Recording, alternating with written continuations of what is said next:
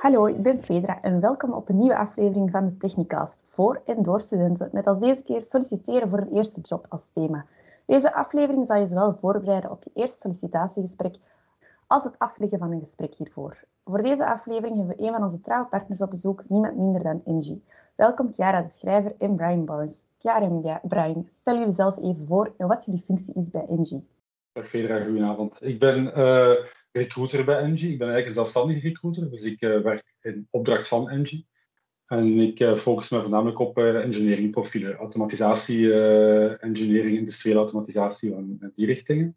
En ik heb een achtergrond in recrutering, leiding geven bij verschillende bedrijven ondertussen. Ik werk ook al meer dan twintig jaar, dus, dus voilà. Mijn naam is Chiara de Schrijver. Uh, ik werk nu een goede twee jaar bij Engie. Uh, net als Brian werk ik als recruiter. Um, ik ben gespecialiseerd in alles wat uh, eh, HVAC-profielen zijn, dus heating, ventilation, air conditioning. Voornamelijk ook engineering-profielen, maar ook ja, techniekers allerhande. Um, mijn achtergrond is iets anders. Ik heb geschiedenis gestudeerd en ben eigenlijk nadien pas in de HR-wereld terechtgekomen. Um, maar ik werk nu een goede vijf jaar ongeveer als recruiter zeer interessante profielen beide. Um, dan de eerste stap bij het solliciteren van een job is natuurlijk het schrijven van een sollicitatiebrief of een motivatiebrief. Wat zijn dingen die jullie heel graag hierin zien of net heel veel gemaakte fouten daar natuurlijk niet zo goed overkomen? Ja, een motivatiebrief op zich is uh, heel zeldzaam tegenwoordig. Ik denk dat ik op de mhm. honderd keer dat ik een cv krijg, dat er misschien nog één keer een motivatiebrief bij zit. Wat zijn zaken die me vaak opvallen? Ja, zien het zo weinig voorkomt tegenwoordig. Als ik terugdenk aan wat een motivatiebrief hoorde te zijn, uh, is het vooral een introductie als extra bovenop je cv. Eigenlijk iets wat meer rond het storytelling gaat. Een cv is een puur opzomming van feiten.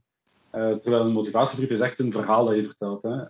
cv is vaak ook niet afgestemd op een bepaalde vacature, een motivatiebrief wel. En wat is heel spijtig als recruiter is, als ik dan een motivatiebrief krijg, is het vaak een motivatiebrief die voor een andere vacature eigenlijk geschreven is. Dus dat is, dat is een redelijke. ja, ja, ja. Dat, dat, is een echte bummer om te lezen dan. Hè. Dus dan, dan krijg je dan toch een brief en dat is niet juist voor jou bestemd. Maar ik moet zeggen, um, en wat merk ik, is dat als er een motivatiebrief bijgevoegd is, is dat wel echt een absolute bonus. Uh, een hiring manager leest dat heel graag. Het is, een, het is absoluut een, een, een, van iemands motivatie om voor iets te solliciteren en voor echt voor een bepaalde job te solliciteren. Wel, ik kan me daar helemaal in vinden, Brian. Um, ik ontvang ook steeds minder motivatiebrieven. Uh, maar wanneer ik in mijn vriendenkring de vraag krijg van ja, zou ik een motivatiebrief schrijven, al dan niet, geef ik ze ook altijd de tip mee van ja, doe het als je echt heel gemotiveerd bent voor deze job. Het onderscheidt je absoluut tegenover andere sollicitanten die misschien um, ja, op verschillende functies hebben gesolliciteerd en daarom misschien net iets minder gemotiveerd voorkomen. Misschien nog een korte tip in verband met cv's. Ik krijg heel vaak ook de vraag rond foto's. Of ze al dan niet hun foto's zouden moeten plaatsen op hun cv. Ook daar, ik vind het een heel persoonlijke keuze, maar weet natuurlijk um, dat wanneer je je foto op een cv plaatst, je natuurlijk altijd al een eerste indruk creëert. Dus het is iets waar je zelf voor moet openstaan. En neem liefst ook een professionele foto, ook een tip die ik meegeef. Um, maar het is een eigen keuze. Ik ben niet pro of contra. Ja, jullie halen dan beide ook de cv aan. Wat zijn dan dingen die hier beter dan wel of niet op staan? Mhm. Ik wil even iets zeggen over die motivatiebrief. Uh, wat mij wel opvalt, is dat er heel vaak taalfouten in de motivatiebrief staan.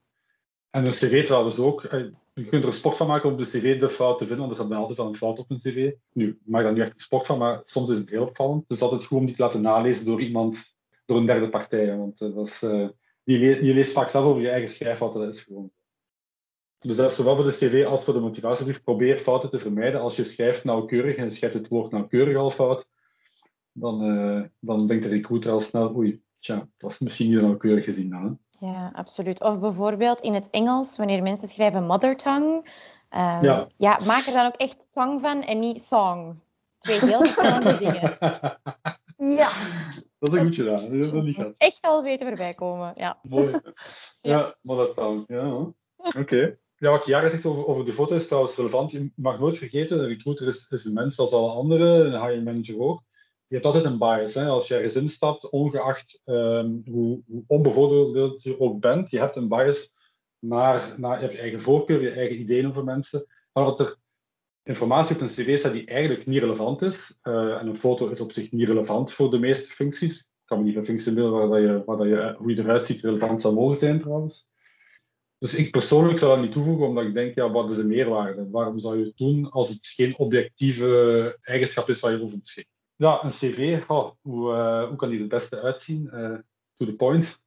Feitelijk heb, heb, ik, hem, heb ik dat heel graag. Uh, mijn laatste cv die ik van een ingenieur gekregen, de langste was 16 bladzijden. Ik ga echt niet aan 16 bladzijden. Daar begin ik echt niet aan. Dus dan moet je eigenlijk al bijna een, een, een halve samenvatting schrijven van iemand zijn cv. Terwijl een cv eigenlijk maar een intro, dus een ticket uh, om te starten is. Hè. Wat moet erop staan? Ja, jouw, ervaring. Iemand die net van, van, van het studentenleven komt, dan moet die ervaring niet hebben. En dan zijn een aantal zaken wel, wel interessant. Uit, ben je in een, in een studentenvereniging geweest? Heb je, heb je bepaalde hobby's die betekenen dat je vaak in, in groep uh, zaken doet en zo? Vind ik ja, de dingen dat jij zegt die er zeker op staan. Ja, absoluut. Um, ik hoor ook vaak van uh, de hiring managers dat ze echt zoeken naar mensen die zich op dat vlak kunnen onderscheiden. Mensen die bijvoorbeeld in de Scouts, de Giro of dergelijke hebben gezeten. Of bijvoorbeeld inderdaad een trekkersrol hebben gehad in een lokale vereniging. zijn zaken waardoor ze er echt tussen uitspringen. Of, ik zeg maar iets, thuis meehelpen bij de ouders die hun eigen bedrijf hebben. Toont ook uw engagement. Dus zijn zeker zaken um, waar mensen um, als hiring manager zijn op letten. En waar studenten zich echt in kunnen onderscheiden uh, naar anderen toe. Mm ja, dat is ook een vraag die, die ik vaak stel in, als ik een cv krijg die heel erg is, vraag ik meestal wat staat er niet op je cv. En dan krijg je meestal de meest interessante antwoorden aan mensen vaak zaken vergeten die zij evident vinden, maar die in de sollicitatie wel heel belangrijk kunnen zijn. Die heel veel inzicht geven in iemands waarde, in iemands, in iemands uh, uh, voorkeuren en zo. Uh, en dat is belangrijk voor, voor, voor ergens in, in, een bepaald bedrijf ook te kunnen aarden. Heb je hier voorbeelden van? Ja, ik denk, het stukje verenigingsleven is, is heel belangrijk. Hè? Omdat je daar merkt, mensen vinden het heel vanzelfsprekend dat ze bepaalde dingen hebben gedaan, bepaalde hobby's hebben gehad. En ga niet altijd redeneren van, tja, daar heb ik toch een aantal vaardigheden geleerd die relevant zijn voor, voor werk. Bijvoorbeeld, als je de scouts bent geweest of in de Giro, jeugdbeweging, je hebt in de leiding gezeten. Dat zijn zaken die je best kan vermelden, want dat zijn ook punten aan het gespreksonderwerp, want dan gaan de recruiter daar sowieso heel vaak op ingaan. Waarom? Je hebt een stukje leiderschap al gehad. Oké, je bent nog jong, eh, het is niet zelfs in een bedrijf. Maar je hebt wel geleerd om in groepen te werken. Je hebt geleerd om dynamieken te begrijpen. Al is het misschien niet expliciet, maar je hebt het wel meegemaakt. En dat zijn ervaringen die, die tellen. In, uh, zeker als je pas start en je hebt nog geen jobervaring. Zeer nuttige tips, denk ik dan. Als wij afstuderen als student, krijgen we natuurlijk ook een graad mee op ons diploma. Hoe belangrijk vinden jullie dit als recruiters? dat hangt heel sterk af van bedrijf tot bedrijf. Ik ga het voorbeeld van um, de overheid geven. De overheid hecht enorm veel waarde aan um, uw diploma en misschien ook de resultaten die je daarin hebt behaald. Ik kan u ook weer onderscheiden van andere kandidaten. Maar ik moet eerlijk zeggen, in de privéwereld wordt daar echt minder naar gekeken. Oké, moest jij nu vijf jaar langer over je studies gedaan heb, ja, dan zal ik mij daar wel vragen bij stellen. Maar tegenwoordig is het heel normaal om een aantal vakken mee te nemen. En als jij goed kan onderbouwen wat de reden daarvoor is, of aanhalen van oké, het was voor mij um, een moeilijk jaar, vanwege, ik zeg maar iets, persoonlijke redenen, hebben wij daar ook alle begrip voor. We zijn maar mensen. Dus nee, daar hecht ik echt minder belang aan. Ja, en of het grote onderscheiding of gewoon onderscheiding is. onderscheiding is al goed. Ja, tuurlijk. Um, ik denk nu, als je kijkt naar de engineer, engineeringprofielen, het is wel belangrijk dat je een richting hebt gevolgd die relevant is voor de functie. Dat spreekt voor zich. Maar graden, ja, weinig eigenlijk. Ik, eh, ik, ik, ik krijg die vraag ook nooit. Uh, ik heb die vraag ook nooit gesteld in een, een gesprek. Ik denk zelfs eigenlijk dat het niet, niet oké is om dat te vragen, als ik me niet vergis. Dus uh, ja, nee, weinig. Ik denk dat er onder studenten dat daar meer, dat daar meer status aan wordt verleend dan dat dat is op het moment dat je op de arbeidsmarkt stapt. Ik, ik vind het altijd knap om te lezen dat iemand een summa cum laude ah, uh, afgestudeerd is. Prachtig. Maar ja, in bedrijfsleven ga je daar niet uh, ja, anders door behandeld worden, ik zal het zo zeggen. Het is vaak een, een goede aanduiding dat je een goede student bent, maar dat is een andere competentie. Dat is één ding, ja. Ja, ja natuurlijk na um, zo'n motivatiebrief, die daar mogelijk wel of niet verzonden wordt dan in uw cv, dan komt er meestal wel een gesprek. Maar hoe bereidt men eigenlijk als student hier zich het beste op voor? Ja, daar zijn veel uh, grote mythes over, over een, wat een sollicitatiegesprek uh, is en, en, hoe dat een recruiter probeert uit, uit tent te lokken van die zaken. Hoe bereid je het beste voor? Ik ga, ik ga anders zeggen, wat, wat ik als, als, als mens gewoon het fijnste vind als ik in gesprek ga met, met een kandidaat. En dat, en dat is als het gesprek een natuurlijk verloop heeft. Dat betekent dat, dat geen van ons beiden geforceerd op zijn stoel zit en probeert de ander te overtuigen van zijn waarde.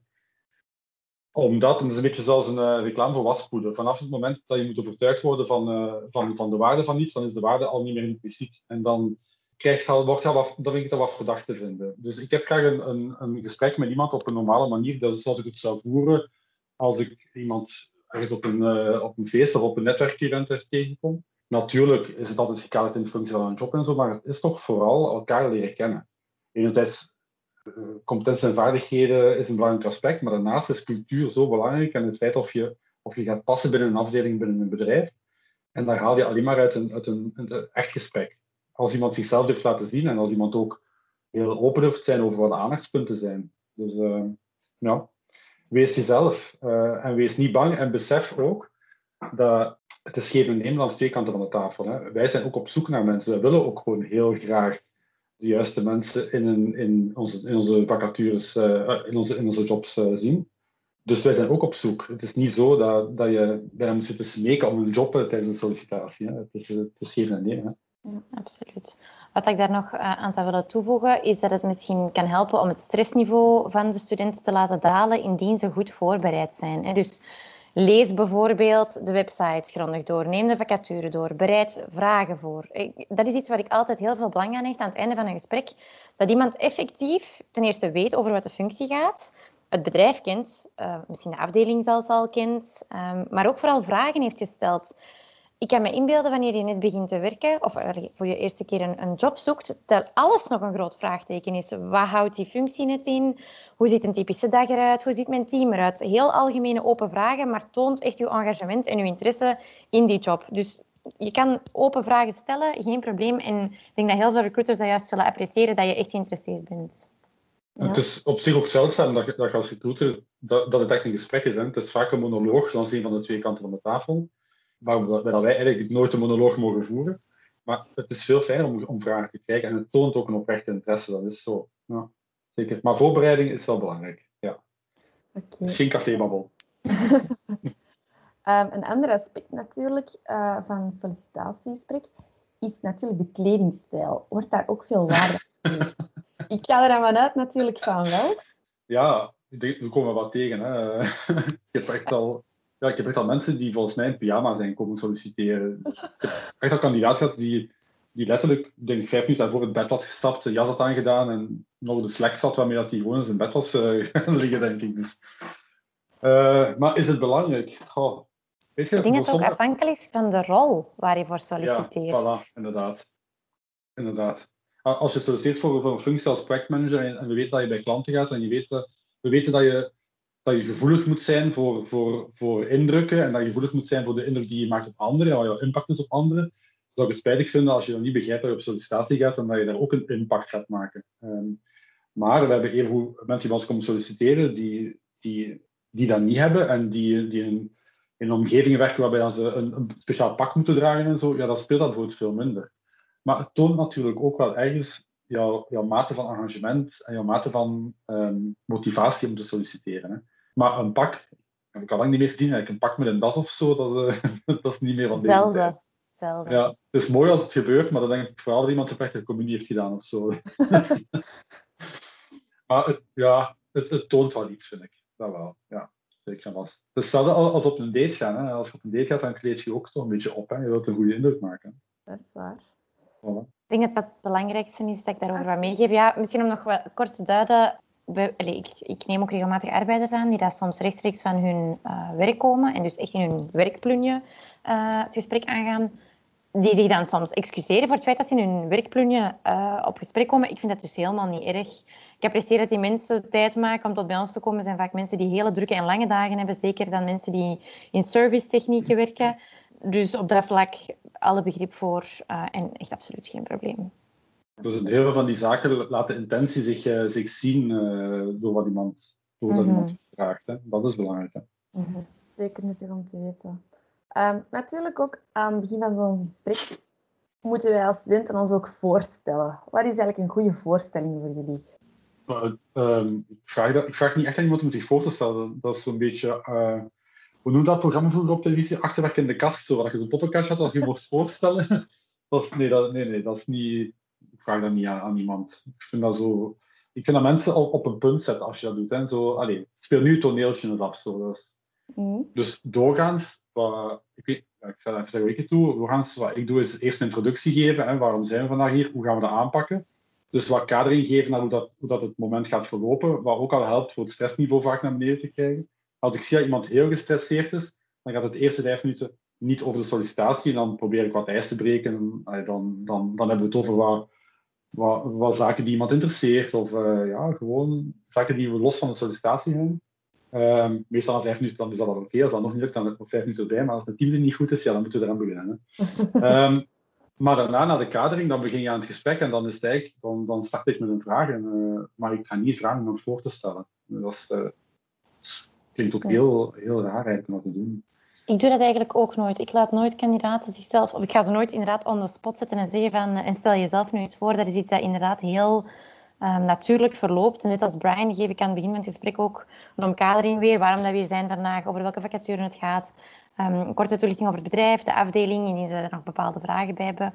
En dan geef ik gewoon aan hoe dat gesprek gaat verlopen. En vaak komen die punten die je daarover wou achterhalen toch al in het gesprek naar voren. Dus om iemand zich zo eh, onder druk te laten zetten, dat ja, is niet fijn voor niemand, denk ik. Ja, en soms zijn mensen dat spontaan doen. Hè. Dan, dan, dan Ja. voordat ik maar stel, dan, dan, dan vloep ze hier zo'n soort Ik voorstelling ben uit. Van, 28 jaar en Ja. ik heb drie kinderen. Ik denk van, ja, maar oh... eh, ja, en dan denk ik vooral, dat zijn vragen die ik niet zou mogen stellen, want ik mag niet vragen hoe oud dat je bent je kinderen hebt. absoluut. Ja. ja, dat zijn meestal momenten dat, je- dat je die antwoorden krijgt die je ook niet zou vragen, dan niet eens zou vragen eigenlijk. Ook. Dus, eh, Ja, nee, geen voorstelling nodig. Dat is, eh, Zeker dat is niet. heel raar. Zeg bij je schoonouders binnenkomen voor de eerste keer. Stel nu eens voor. Eh, een vraag, denk ik, dat veel van ons wel een beetje voor vrezen, denk ik, zijn wat zijn uw zwakke en uw sterke punten? Ja. Eh, hoe gaan we eigenlijk best om met zo'n vraag zonder onszelf eigenlijk een beetje te benadelen en tegelijkertijd onze sterke punten op een goede manier te benadrukken? Ja, ik denk, ik denk als, als je met die benadering zo'n vraag beantwoordt, daar zit in die benadering zit al, al een angel. Ten e- ik stel die vraag ook niet, trouwens. Eh, want dat is, dat dat is zo'n doodklopper tijdens een gesprek. Gegarandeerd, als je dan vraagt wat zijn je slechte punten, dan krijg je ongeduld. Waarom? Omdat je dat op een of andere manier toch positief kunt omdraaien. Dus ik stel die vragen niet. Dus ik, stel, ik vraag meestal naar wat zijn uw kwaliteiten, eh, waar, waar zou je zelf een expert in, in noemen. En wat ik merk in een gesprek is dat mensen zich heel vaak soms onbewust uitspreken over waar ze, waar ze zelf al moeite mee hebben bij zichzelf. Of waar ze zelf al minder zelfvertrouwen over hebben. Ehm, dus hoe natuurlijker het gesprek, hoe natuurlijker dat ook gewoon komt. Want als je de vraag stelt, ik zeg het, dan krijg je sociaal wenselijke antwoorden. En dat is, dat is echt niet aangenaam. dat is voor niemand leuk.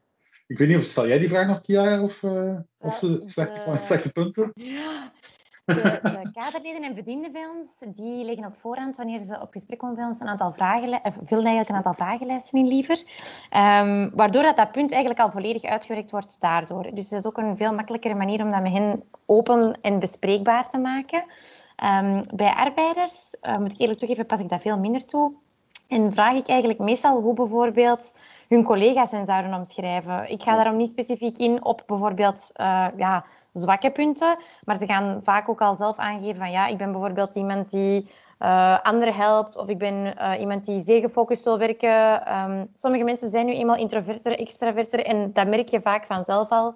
En zwakke punten, ik ga het nooit as such verwoorden, maar ik ga dan eerder kijken van oké, zijn er nog bepaalde zaken waar je nog in zou willen groeien, dingen waar je nog beter in zou willen worden. En dan geven mensen vaak eh, zaken aan waar ze echt nog bijvoorbeeld opleidingen in zouden willen volgen.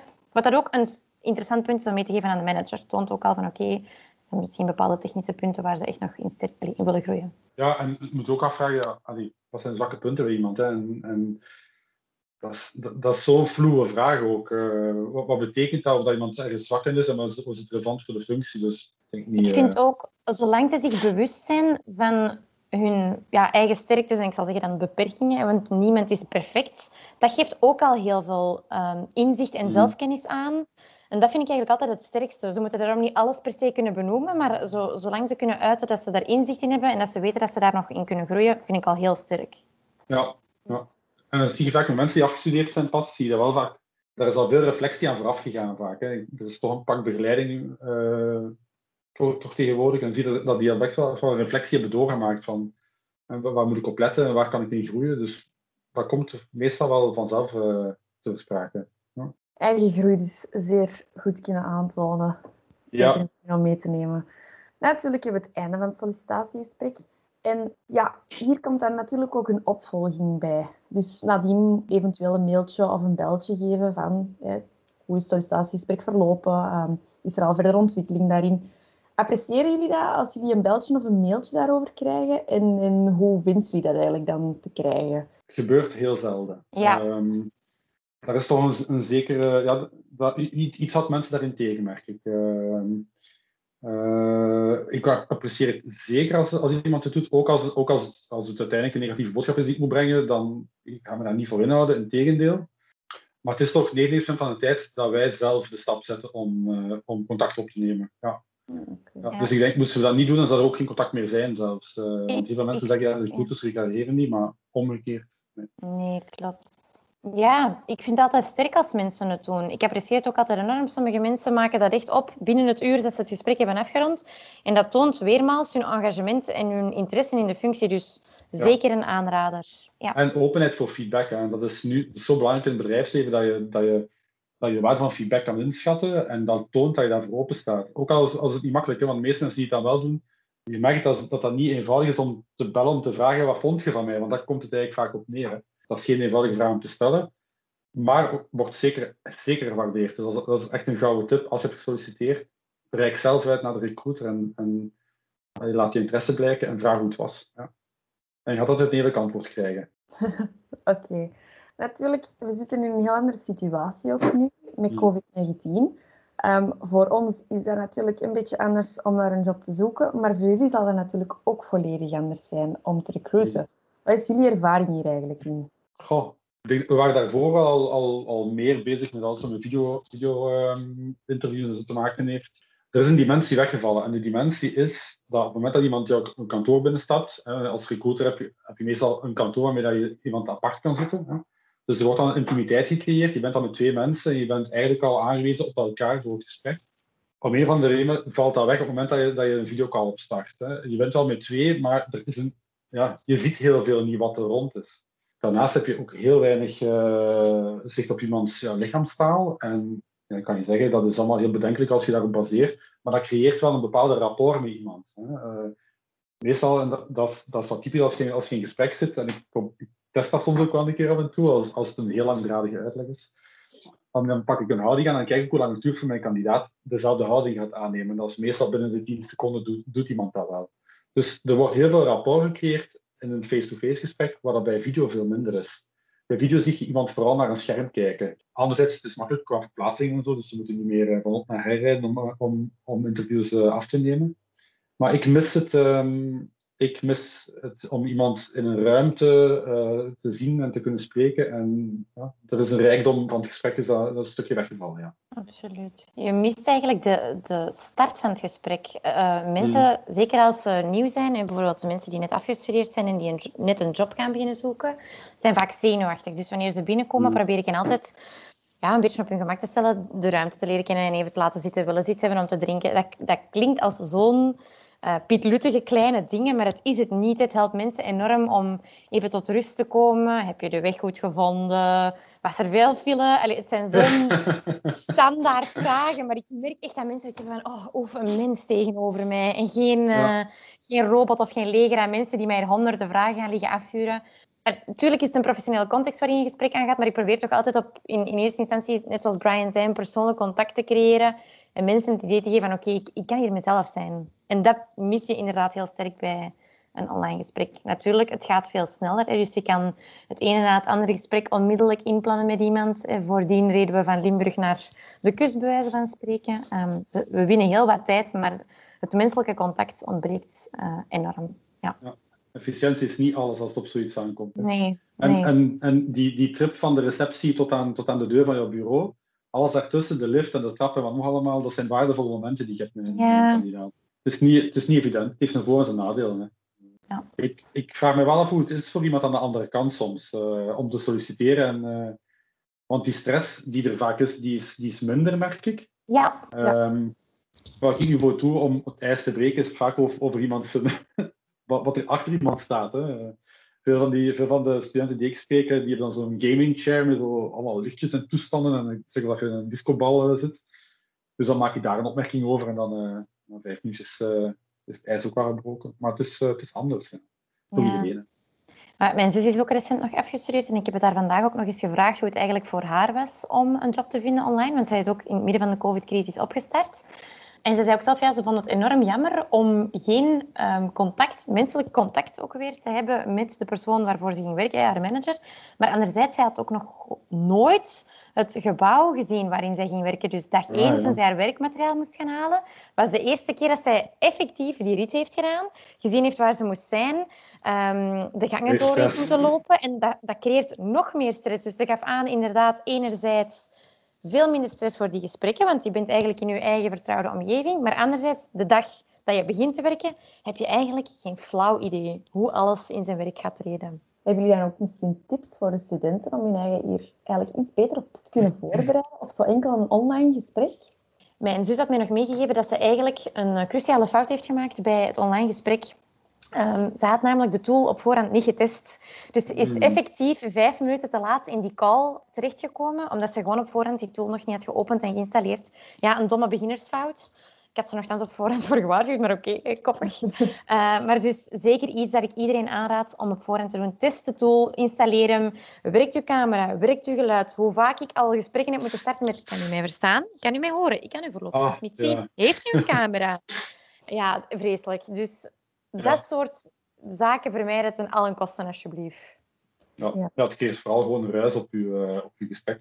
Ik wil even terug, uh, je hebt nou wat gezegd aan het februari over uh, als, als iemand een vraag krijgt en wat zijn je goede en slechte eh, kanten en, en hoe, dat je, hoe dat je je beste beentje voorzet. Ja. Ik denk dat dat door, doorheen een sollicitatie is dat niet iets wat je, wat je hoeft te doen. Dat, dat, dat is iets wat leeft, dat mensen geloven dat je je van je beste kant moet laten zien. Uh, en net zoals ik net al zei, iets dat te, op, iets dat te opvallend verkocht moet worden, is het verkopen soms niet waar. En ik denk dat iemand die zich te goed probeert te presenteren, dat, dat wekt ja, wel wat, soms wel wat ergernis zelfs op. En dan ben je om duur te zoeken naar... Ja, ja wat, wat, wat, wat, zegt die persoon mij bijvoorbeeld niet? Hè? Dus als je gaat solliciteren, hoef je niet het beste beentje voor te zetten. De meeste mensen die komen solliciteren, die weten heel goed waarom ze solliciteren. En die zijn zeker als wij studenten zien die net afgestudeerd zijn, je kan gewoon de ervaring niet hebben, maar je hebt wel een academische achtergrond die heel interessant is voor, voor een bedrijf. Dus beste beentje voor het is niet, is niet, niet noodzakelijk nodig. Hè. Zeker niet beter voordoen dan het is. Ja, dus gewoon eigenlijk jezelf proberen zijn en je bewust worden dat je, je eigen capaciteiten zijn. Ja. ja, en ik weet dat het soms moeilijk is, maar ook geloven in je eigen capaciteiten. En dat is, ehm, wat, waar veel goede kandidaten onder, ondergraaft, als het over, over kwaliteit van het gesprek gaat en van sollicitatie, is een gebrek aan geloof in, in, in hun, eigen, uh, hun eigen capaciteit en hun eigen mogelijkheden. En ik zeg altijd, als je tot het einde van je studie bent geraakt, dan moet het zijn dat je iets kunt, in ieder geval. En dat iets heeft een waarde, sowieso. Je kan niet afstuderen, zij het echt op je kort diploma, maar bon, die moet ik nog tegenkomen. Ehm, dus er is altijd een waarde die je, die je meebrengt aan tafel. Uh, en daar mag je trots op zijn en dat mag je ook, mag je ook uitspelen. Volg je 100% in. Ja, dan ook eigenlijk met heel COVID-19-situatie natuurlijk, is de zoektocht mm naar de job zelf mm. misschien ook al wat anders. Um, wat hebben jullie voor tips om misschien eigenlijk jobs te zoeken? Op welke uh, media kunnen we studenten het beste zoeken? Of meteen, misschien meteen een mailtje naar die mensen persoonlijk sturen? Um, wat is jullie ervaring daarin? Wat ik heb gemerkt, um, ik werk nu bij Engie, hiervoor heb ik voor een telecombedrijf gewerkt, is dat ik heel vaak mensen zie die specifiek voor, voor dat bedrijf kiezen. Uh, en dat is heel sterk, hè, omdat je dan je kiest niet alleen voor, voor een, een, line of business, maar ook voor een cultuur. Hè. Een bedrijf heeft een cultuur, staat ergens voor. Uh, en dat is heel sterk. Wat, wat valt op als, als iemand her en der solliciteert, is dat, dat, dat een sollicitatie wat verwatert. Hè. Dus uh, ik zou daar al zeggen, kijk altijd op websites van bedrijven die jou interesseren en informeer u ook wat bedrijven zijn die binnen een sector werken of actief zijn die, die jou aanspreekt. Uh, het is soms moeilijk afgestudeerd om te weten, ja, wat interesseert me nu, wat wil ik nu gaan doen? Doe die research voor jezelf en ga altijd op de site van, van een bedrijf zelf gaan kijken. Uh, en daarnaast is LinkedIn, ja, LinkedIn is een beetje de basis geworden. Hè. Ik, als, ik, als ik zie voor tijd dat ik erop spendeer, het zal bij jou niet anders zijn, ja. Uren per dag. Ja, inderdaad. Dus kandidaat, eigenlijk is de job van een recruiter vroeger was een recruiter iemand die, uh, die op een stoel zat en die cv's kreeg en kandidaten voor zich kreeg. En aan de lopende band mensen sprak en, en evalueerde en psychotechnische testen evalueerde en dat was het dan. Voilà. En nu is het omgekeerd, nu is de recruiter degene die zoekt. Ja, wij zijn de hunters geworden. Ja, de meeste studenten die in een technische richting zitten, bijvoorbeeld, ik ben zeker dat die benaderd worden voordat ze afgestudeerd zijn, omdat ik het zelf ook doe. Ehm, dus je krijgt berichtjes via, via LinkedIn, uh, ook via Facebook, uh, via sociale media in het algemeen. Heel veel detacheringsagencies die, eh, die echt, echt jagen op studenten. Hè? Die, die, die gewoon voordat ze het laatste jaar maar ingaan, al, al, al op, op een contract willen. Daar zou ik zeggen, tread carefully. kijk, kijk, kijk goed en besnuffel de markt voordat je ergens ja op zegt. Maar sociale media is wel echt wel het kanaal tegenwoordig. Waar ik daar misschien ook wat tips nog wil meegeven, is ook uw uh, aanwezigheid op social media. Ik begrijp mm. dat studenten um, ja, de tijd van hun leven hebben en dat dat ook op social media geuit wordt. Ik was de allereerste om eraan deel te nemen. Ik heb zelf ook in een presidium gezeten. Maar uh, naarmate mijn afstudeerdatum naderde, heb ik wel contact opgenomen met onze verantwoordelijke voor communicatie, maar ervoor te zorgen dat bepaalde foto's toch van het internet gehaald werden. Want niet al die dingen zijn eigenlijk voor het oog van een, ja, een werkgever eigenlijk uh, bedoeld. In die zin, je hebt een privéleven en dat is perfect, oké, normaal. Iedereen wil zich amuseren, maar daarom hoef je die persona niet over het hele internet te verspreiden. Dus ik zou proberen om, zeker qua uitgangsbord, dus profielfoto's, het zij op LinkedIn, het zij op Instagram, een, een vrij normale, professioneel ogende, daarom niet per se, maar gewoon een vrij normale, nuchtere foto te nemen. Um, in twee zinnen bedoeld. Hè? Ja. Um, en uh, ervoor te zorgen dat je zelf misschien eens googelt. Google je naam, kijk wat eruit komt. Ik neem niet de tijd om elke kandidaat te googlen, maar als ik hem google, dan zit er vaak al een reden achter. Dus zorg ervoor dat je online uh, persona één is waar je ook voor erkend zou willen worden bij een werkgever. Belangrijke tip voor mij. Uh, jullie halen dan bij ook LinkedIn aan. Wat zijn dan bijvoorbeeld de nuttige dingen om op LinkedIn te zetten? LinkedIn is, uh, is niet Facebook en is niet uh, Insta, dus uh, betekent dat het een professioneel kanaal. Dat betekent dat je dingen op zet die, die met jouw professionaliteit te maken hebben. Dus enerzijds zodat jouw profiel volledig is en dus al je opleidingen, alle zaken die relevant zijn, bij, technische, bij een technische opleiding ook de systemen die je kent en die, die je gebruikt hebt. Um, stages, thesissen, eindwerken, al die zaken heel relevant. Zoals ik jaar gezegd, een, een mooie professionele foto. Um, en het is niet zo, allee, we gaan niet op mensen op Facebook zitten, dat, daar houden we ons niet mee bezig. En trouwens, mag ook nooit een reden zijn om iemand daarop af te wijzen. Maar ik zie op LinkedIn soms echt wel heel rare dingen verschijnen. ik denk, ja, allee, het, het, dient, het, het, heeft een doel, LinkedIn. Hè. Het, is, het is geen puur social media, gewoon voor, voor plezier. Wat ik ook merk is mensen die echt artikels schrijven, die, die halen heel veel aandacht. Hè. Dat, is, uh, dat is ook interessant, maar dan moet je liggen. Maar uh, de basis is een goed profiel uh, met of zonder foto, maakt eigenlijk niet uit. Uh, maar als er een foto op staat, een professionele foto, en een profiel dat gevuld is. Uh, ja, absoluut. Wat moeilijk is, als je, als je wat afstudeert, is dat heel moeilijk. Hè? Want ja, je kunt het niet verzinnen natuurlijk. Maar er is altijd veel meer in een, in een profiel dan mensen erop zetten. Dus ga echt op zoek naar die dingen die, die, die relevant zijn voor, voor een bedrijf, ongeacht welk bedrijf trouwens. Ja, absoluut. en wees ook actief, hè. Zoek ook mensen, volg mensen die je interesseren voor bedrijven die je interesseren. Je moet weten, als wij, eh, dus je hebt de frontend van LinkedIn, dat is waar, waar je als gebruiker op gaat. Als recruiter hebben wij een recruiter seat. Dus wij gaan eigenlijk via de, via de backend van LinkedIn bekijken wij profielen. Je gaat dat ook vaak niet zien als recruiter jouw profiel bekijken, eh, bekeken heeft. Um, nee, omdat als je vanuit de recruiter ziet, is dat anoniem in principe. Ja, er ook recruiters die geen recruiter ziet hebben en die gaan, dan ga je dat wel zien. Hè. Um, maar um, uh, dus wij, wij, benaderen kandidaten heel vaak zelf en dan gaan we op zoektermen gaan, gaan werken. En dus hoe meer er in je profiel staat, hoe relevanter de kandidaten zijn die naar voren komen en hoe groter de kans dat jij naar voren komt. Ja, om daar nog misschien aan toe te voegen, een tip, inderdaad, zoals uh, Brian had aangegeven, alles wat stage, thesis en dergelijke is, ga daar mm. gewoon een beetje verder op in. Vermeld de belangrijkste termen, zeker qua techniciteit. Rond wat voor soort type uh, onderzoek heb je gewerkt? Wat zijn de resultaten die je erin bereikt hebt? Al is het drie regels, bij wijze van spreken. En stel je hebt een groepswerk gedaan, tag die andere persoon daarin ook nog interessant om te zien. Heb jij bepaalde teamplayer skills, wordt daar dan ook nog eens in geuit? Uw talenkennis, ook altijd een plus om mee te geven. Want je weet maar nooit dat mensen u zoeken om uw tweetaligheid. Stel, je bent tweetalig, waarom het niet in je verf zetten? Dus al die kleine extra's die jou kunnen onderscheiden van een andere kandidaat, ga ervoor. Ja, tweetaligheid, by the way, is een, is een, is een is een droom. bonus. Hè? Is een droom. Ja, Als je dat op je cv kunt zetten dat je tweetalig bent, uh, dan... Uh, dan gaan onze bellen al af. Piu, dan, gaan, dan gaan overal bellen af, denk ik. Ja, ja. Er zijn zo'n aantal dingen die, die op een profiel staan waar je kunt weten dat, dat recruiters uh, een hart sneller gaat slaan. Dus tweetaligheid is er wel één van. Ja, dat het zo zeldzaam aan het worden is. Zeker een nuttige tip waar niet veel mensen aan denken, denk ik.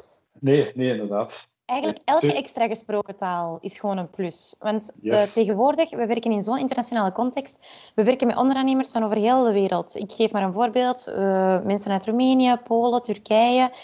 Elke taal die je van thuis uit al mee hebt, is een grote plus. Zeker op werven. We zijn een internationaal bedrijf. Zet het erbij. Ja, dat vergeten heel veel mensen. Zeker mensen van wie de ouders een migratieachtergrond hebben, die vergeten die om te zeggen dat die thuis Arabisch spreken of wat dan ook. En dan denk je, maar ze het erop, want het is dus alweer, een, Zo'n plus. alweer een, weer een extra op je profiel. Hè? Ja. ja, gratis meegenomen. Extra sterretje. ja, en dan als laatste vraag. Ik hoor eigenlijk nog een hele algemene. Hebben jullie nog iets van tips tricks dat jullie graag willen meegeven aan onze studenten? Ik heb, al, ik heb het al veel gezegd, wees jezelf, hè, hoe, hoe uh, cliché het ook uh, mag klinken. Vooral niet opgeven. Ik denk, uh, in het begin is het moeilijk en kan het zo overweldigend lijken om een eerste job te gaan zoeken. Ik kan me nog heel goed herinneren, ooit voor mij was de stress en je wilt graag een, een goede job en je, en je ouders overtuigen en je familie en iedereen die zo was zitten kijken van ah, en, uh, hij of zij gaat afstuderen en wat gaat ze doen. En neem gewoon je tijd. Bereid je voor. Schrijf zaken neer waarvan je zegt, dit doe ik graag, dit zou ik graag worden. Denk na, ook over de toekomst. Zijn er bepaalde zaken die je nog zou willen bereiken? Zeg, zeg je bijvoorbeeld, ik wil graag naar het buitenland. Ja, zoek dan naar bedrijven die daar de mogelijkheid toe bieden probeer zo breed mogelijk um, te werken en misschien voor jezelf ja, een soort van uh, plan uh, of ja, een, een A4'tje misschien te maken met daarin een aantal steekpunten. En wanneer je dan aan het zoeken bent, um, ga na van oké, okay, uh, eh, dit bedrijf kan het mij bieden waar ik naar aan het zoeken ben. Kan eigenlijk misschien al heel wat stress wegnemen. Weet je, en solliciteren kan je leren, hè? dat is ook... Absoluut. Mensen denken, denken soms van, ik, ik moet voor één job en ik moet die job hebben en dat is niet als je, als, je, als je zegt van ik ben iemand die, die in zo'n situatie snel stress ervaart, wel, ga gewoon solliciteren voor alles wat je kan. Doe, doe iedere dag een sollicitatie. Dat is met veel zaken zo. Hoe meer je doet, hoe beter je erin wordt en, en hoe, hoe, hoe relaxter je erin bent. En ik merk heel vaak dat mensen de lat hoog leggen. Ze, ja, we hadden een, een master in engineering. En je wil absoluut bij die, bij die sustainability, uh, bij zo'n sustainable bedrijf gaan werken. En dat is dan de, uh, zeg ik dat, de holy grail. Hè? Goed dat je het laat hooglegt, maar oefen al een beetje op voorhand. En, en ga eens ergens solliciteren waar je misschien niet denkt dat het, dat het voor jou is, maar je hebt wel geleerd om te solliciteren. Wie weet komt er dan nog een job uit uh, die, die je ook leuk vindt. Want, dat wil ik wel nog meer solliciteren, ik heb al gezegd, is niet, is niet uh, is geen maar ook, het geeft je wel de kans om een bedrijf te leren kennen. Als iemand voor mij zit, dan leren ze heel veel over uh, over energy, over hoe, dat, hoe dat wij met mensen omgaan, wie, wie dat wij als bedrijf zijn, wie ik ben. Zelfs een hiring manager, die leert enorm veel over, uh, over, over bedrijf en over de mensen die je werken door op sollicitatiegesprek te gaan. En soms zijn bedrijven waarvan je denkt van deze job interesseert me niet 100%, ga je zo overtuigen door de mensen die je te zien krijgt, dat je toch de stap zet. En ik merk vaak dat mensen die om die reden een keuze maken, dat dat vaak keuzes zijn die, die, die een mooie carrières kunnen uitmonden. Omdat je dan een keuze hebt gemaakt op basis van, van relatie en cultuur en, en ga ik je ergens goed voelen. Want een job doen is één ding, maar een graag doen in een omgeving die, die leuk is, is, dat is geen kleine bijkomstigheid. Dus dat is heel belangrijk. Voilà, dus uh, blijven proberen en blijven solliciteren. Absoluut. Al is het oefenen thuis voor de spiegel of met uw zus, uw broer, uw tante, de bakker. Ja, Probeer gewoon probeer te oefenen. Uh, probeer je ook misschien voor te bereiden op bepaalde vragen. Dus ik zeg het, voorbereiding is zo key en neemt al heel veel stress weg. Bereid je voor. Wat doet het bedrijf? Wat wil ik graag doen naar de toekomst toe? Wat vind ik belangrijk om mij goed te voelen in een job? Wat heb ik nodig? Um, zijn dat collega's? Wil ik graag zelfstandig werken? Het zijn een aantal ja, belangrijke punten die je misschien op voorhand al kan nagaan. En waardoor je misschien voor jezelf al een aantal boxes kan aftikken of zeggen van ah nee, misschien is het misschien toch niet voor mij. Ja, en denk niet in termen van oh, je bent introvert, dus dat, dat gaat negatief zijn. Nee, of je bent nee, echt, nee, Dat, dat, is, dat is niet, hè. Er is nooit, er is geen positief of negatief. Er is, er is, dat is een spectrum. En dat spectrum wil zeggen dat je een bepaalde job je waarschijnlijk beter gaat voelen dan een andere. Dus denk ook niet, allee, ik zie dat soms ik kom wel mensen tegen die wat introverter zijn van, van, uh, van voorkeur of van aard. je dan, ja, die dan zich daar over voelen. Die denken van, oh nee, ik ga minder kansen hebben, want ik, ik, heb, niet, ik heb niet die vlotte babbel of ik heb niet die rechte rapport met mensen. is niet, hè. Er zijn, uh, zijn functies perfect, maar eigenlijk de perfecte voorkeurstijl is. Dus, dus opnieuw geloof ook gewoon in, in, wie dat je bent en, en dat wie dat je bent echt wel een waarde gaat meebrengen. Maar zo, het klinkt een beetje als een, als een, als een, als een, als een van, hoe noemt het, Phil Bosman zo. Pep talk. ja, geloof in je eigen waarde. Voilà, maar het is zo. Voilà. Ja, ik denk dat wij hier als studenten toch wel een hele hoop tips en misschien ook wel een extra stapje vooruit hebben kunnen halen. Dus dankjewel aan Chiara en Brian om ons vandaag te vergezellen tijdens deze podcast. En indien jij als student of werkzoekende ook interesse heeft uh, gekregen door dit gesprek om bij Engie te gaan werken, zowel Chiara als Brian zijn bereikbaar via LinkedIn. Dus ik zou zeggen, pas je LinkedIn-profiel aan, uh, zie dat het helemaal up-to-date is en stuur ze eens een berichtje. Absoluut. Merci om te luisteren dan naar deze aflevering van de Technicast en tot volgende week. Dankjewel. Dankjewel.